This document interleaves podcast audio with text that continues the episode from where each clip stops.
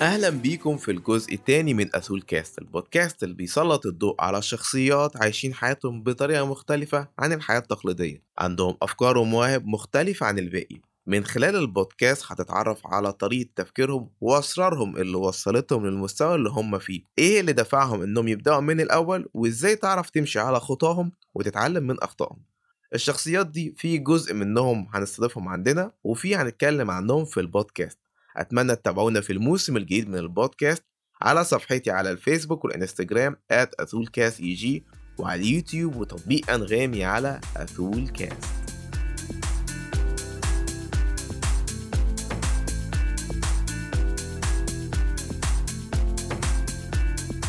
في الموسم الجديد من أثول كاست هنتكلم عن شخصيات أجنبية عملت تأثير في المجتمع مش شرط عندنا ولكن أكيد بره. هركز أكتر إني أحكي التحديات اللي شافوها في حياتهم والحاجات الغير تقليدية اللي عملوها عشان يوصلوا للمكان اللي هما فيها حاليا. وإزاي أنت تعرف تستفيد منهم وتطبقها على أرض الواقع هنا في مصر أو حتى لو بتسمعنا من برا مصر؟ تركيزي أكتر هيكون على مصر عشان الحمد لله التحديات كتيرة والصعوبات أكتر. الشخصية اللي أنا عاوز أتكلم عنها في الحلقة دي وهي المحببة بالنسبة ليا هو مؤلف كتاب The 4 Hour Work Week لمؤلف اسمه تيم فارس تيم فارس تيموثي فارس كتاب The 4 Hour Work Week كان أول كتاب ليه وكان رقم واحد في مبيعات سنة 2009 قبل نشر الكتاب تيم قال إنه اترفض من 26 دار نشر. في كتابه هو كسر إنك لازم تعمل فلوس كتير عشان تقدر تسافر. تقعد تشتغل ليل نهار وتقطم ظهرك وشبابك عشان بس تتهنى بأسبوع أجازة في السنة. هو بيشرح في كتابه طرق إزاي تعمل ضعف اللي بتكسبه النهارده في أقل من نص الوقت والمجهود اللي بتبذله كل يوم. هو كمان مقتنع أكتر بنظرية تقسيم وقت المعاش وسماها بالإنجليزي mini retirement بمعنى تشتغل شوية لمدة شهرين أو ست شهور وتاخد بعديها مثلا شهر أجازة. أنا شخصيا اتبعت النظرية دي ولكن بأسلوب مختلف بمعنى إني بشتغل من تسعة لخمسة ويمكن من بدري عن كده كمان. أنا مقدرش آخد شهر على بعضه أجازة أنا أكبر أجازة قدرت أخدها أخدتها طول السبع سنين شغل كانت أسبوعين بس. ولكن بعمل حاجة مشابهة لكده إن في الشهر الواحد باخد يوم أجازة مع ويك إند وبسافر التلات أيام دي. ممكن دهب ممكن السخنة أو حتى الساحل في الصيف. في جروبات كتيرة بتسافر حتت مختلفة عن الأماكن اللي إحنا بنروحها. من ضمنه صفحة على الفيسبوك اسمه Escape وكنت استضفت مؤسس Escape عندي اسمه يحيى زكريا وهو اتكلم عن السفر في الحلقة الخامسة السنة اللي فاتت. ولو بقالي كتير شغال تحت ضغط عصبي شديد لفترة من 3 ل 6 شهور بزود على اليومين دول بخليهم يومين لحد أسبوع. الفصلات دي عن كل حاجة بتخليك تبص لحياتك ومشاغلك ومشكلاتك بمنظور تاني. إحنا اتكلمنا عن السفر في الحلقة اللي فاتت مع شيرين عادل أتمنى تسمع الحلقة ديت. هرجع تاني لتيم فارس لما اتولد كانت والدته بتتريق عليه عشان كان طفل عنده كرش وكانت والدته بتشبهه بسمكة التونة. لما دخل الحضانة كانت المدرسة بتجبره إن يركز معاها وهي بتدرس حروف الأبجدية. هو ما كانش مقتنع إنه المفروض يتعلمها. تفكير أطفال يعني. وكان بيسأل ليه يا miss محتاج أتعلم الحروف دي وكان ردها هو لازم كده تتعلمها. وكان في الآخر بينفض لها وكان بيكمل تلوين كورس. أول شغلانة لتيم كان عامل نظافة. أنا مش هتكلم معاك مرتبه كان عامل إزاي. وكان بيبص على مديره وهو بيمسح الأرض وكان بياخد فيها 8 ساعات. تيم قدر إن هو يمسح في ساعة واحدة بس نفس الأرضية. تلات أيام بس ومديره طرده واتهمه إنه ما يعرفش يعني إيه قيمة الشغل.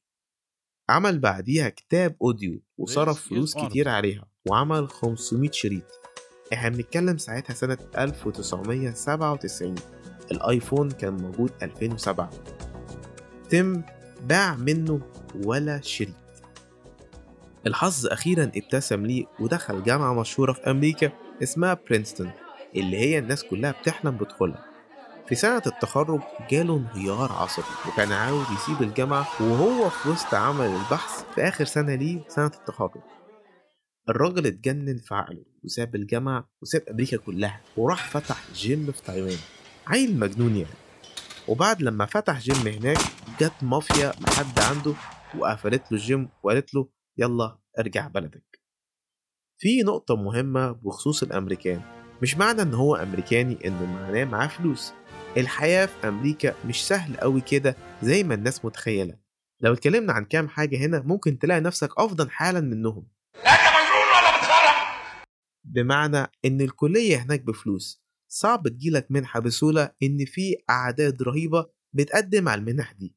16 مليون طالب جامعي عايزين يخشوا الكلية. إحنا عندنا في مصر 3 مليون. فمعظم الطلبة بيستلفوا فلوس من البنك. ويمضوا على عقد إن أول لما يخلصوا الدراسة يسددوا الدين اللي عليهم. تخيل بقى إنك متخرج من الكلية وعليك دين مصاريف الكلية. ممكن يوصل لحد نص مليون جنيه. دي مصاريف الكلية بس. الحاجة التانية هناك في أمريكا إن لو معاك عربية لازم تدفع تمن الركنة وده بالغصب وبالقانون الخليج كده كمان. أنت في مصر لو ركنت عربيتك بعيد شوية عن السايس هتركن مجانا.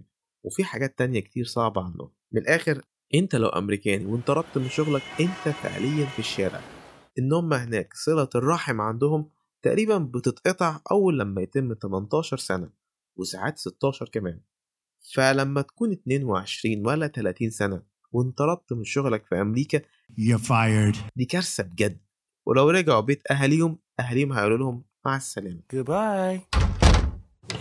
في حين انت لو في مصر وانطردت من شغلك أو سبت الشغل أسوأ حاجة هتحصل لك إنك هتروح البيت وهتتغدى مع أهلك وهيشيلوك لحد لما تقف على رجليك. يا حبيبي يا ابني وبعدين؟ بس يا فما بالك بقى لو واحد هناك في أمريكا قرر يعمل بيزنس صغير ليه أو شركة ناشئة بيكون عنده ضغوطات كتيرة برضه. مش سهلة كده والمنافسة هناك عالية قوي مش زي هنا. ولكن ولكن أول لما الأمريكاني يسافر برا بلده فرق العملة بيعيشه ملك ده مفيش كلام. الباسبور بتاعه متاح ليه إن يدخل معظم دول العالم. عشان كده تيم فارس قدر إن هو يفتح جيم في تايوان وممكن مثلا يكون تكلفة الجيم تكلفة إيجار ست شهور مثلا في أمريكا. أنا بقول على سبيل المثال.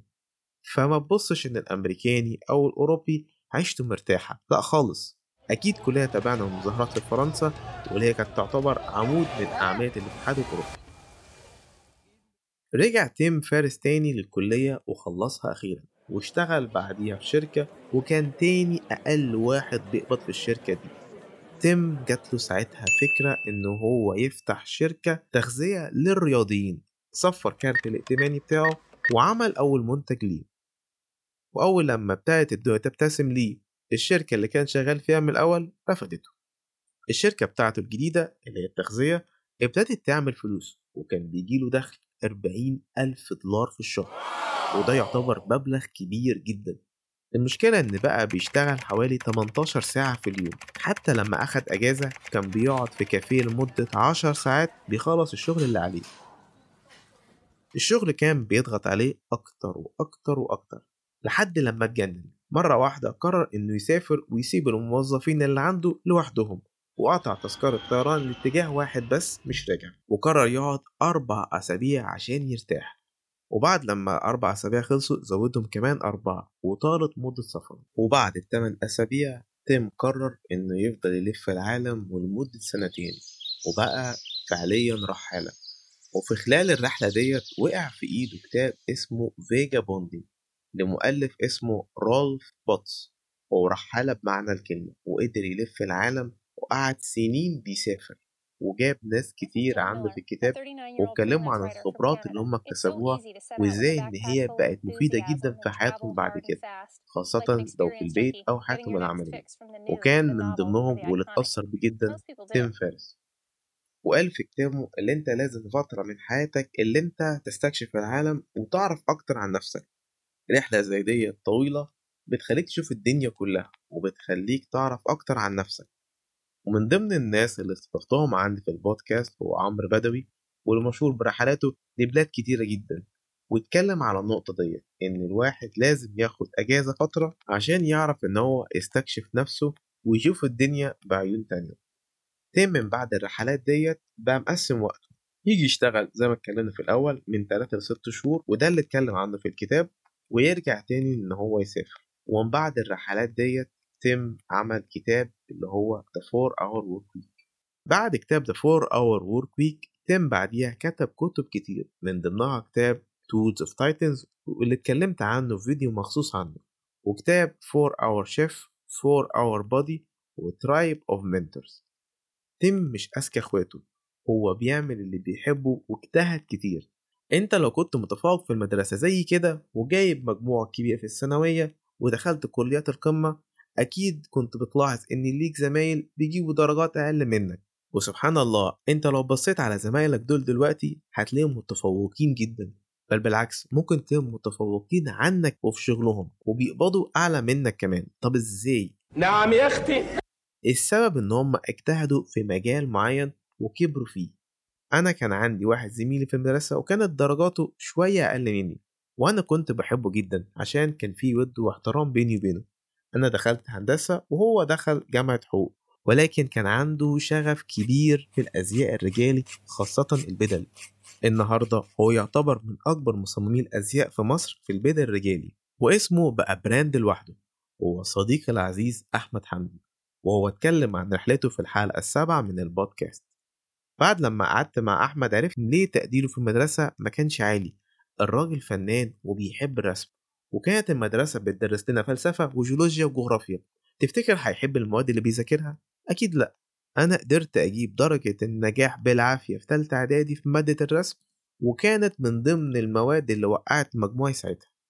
لو أنت النهاردة في المدرسة أو في الكلية ودرجاتك قليلة وحاسس إنك مش عارف تذاكر أكتر من كده ده معناه إنك لسه ما لقيتش الحاجة اللي تاخد اهتمامك. ما تزعلش من نفسك وتحقد على أصحابك إن درجاتهم أعلى منك. دي معناها إنك مختلف عنهم واختلافك ده ممكن يجيب لك فلوس أكتر من أصحابك اللي درجاتهم عالية. وفي الشغل كمان نفس القصة. ما تفتكرش إنك لو هاجرت بره مشاكلك كلها هتروح. في مشاكل هتتحل لما تسافر أكيد بس في مشاكل تانية أكيد هتظهر وهتقعد وقت طويل عشان تعرف تحلها. عن تجربة شخصية أنا كنت من الناس اللي جات لي فرصة إن أنا أدرس بره مصر في ماليزيا وأسيب خالص جامعة عين شمس من البداية. وبعد لما خلصت رجعت مصر واشتغلت واستقريت فيها. وبجد أي حد قابله بقول له إني كنت بدرس بره كان الرد على طول إيه اللي رجعك؟ أنت عبيط. أنا مقتنع بنظرية إن في مشاكل كتيرة في مصر ومن المشاكل دي ممكن تلاقي فرص كتيرة تحل بيها ولو مشكلة واحدة. عشان كده ظهرت كتير شركات ناشئة بتحل مشاكل صغيرة وبتكسب منها. فيكونوا هم استفادوا والعملاء استفادوا والمشكلة اتحلت. الفرق إن هم شايفين المشكلة من عدسة مختلفة من زاوية مختلفة عن باقي الناس اللي قاعدة تشتكي. فأنت لو مشاكلك كتيرة بص عليها من عدسة تانية خاصة لو بتسمعني من بره القاهرة وإسكندرية. أنت عندك فرص أكتر بكتير من عندنا. ولو مش مقتنع بكلامي اتفرج على فيلم اسمه The Boy Who Harnessed the Wind. وشوفوا حياة بطل الفيلم كانت عاملة إزاي وقدر يعمل إيه والأهل قريته. والقصة ديت حقيقية. أتمنى تكون قصة تيم فارس كانت ملهمة ليكم وأحب أسمع آراءكم عن الحلقة دي. كتابين The 4 Hour Work Week وكتاب Tools of Titans متوفرين على مكتبة أثول وهي مكتبة متخصصة في مجال ريادة الأعمال والتنمية البشرية والسفر شكرا لكم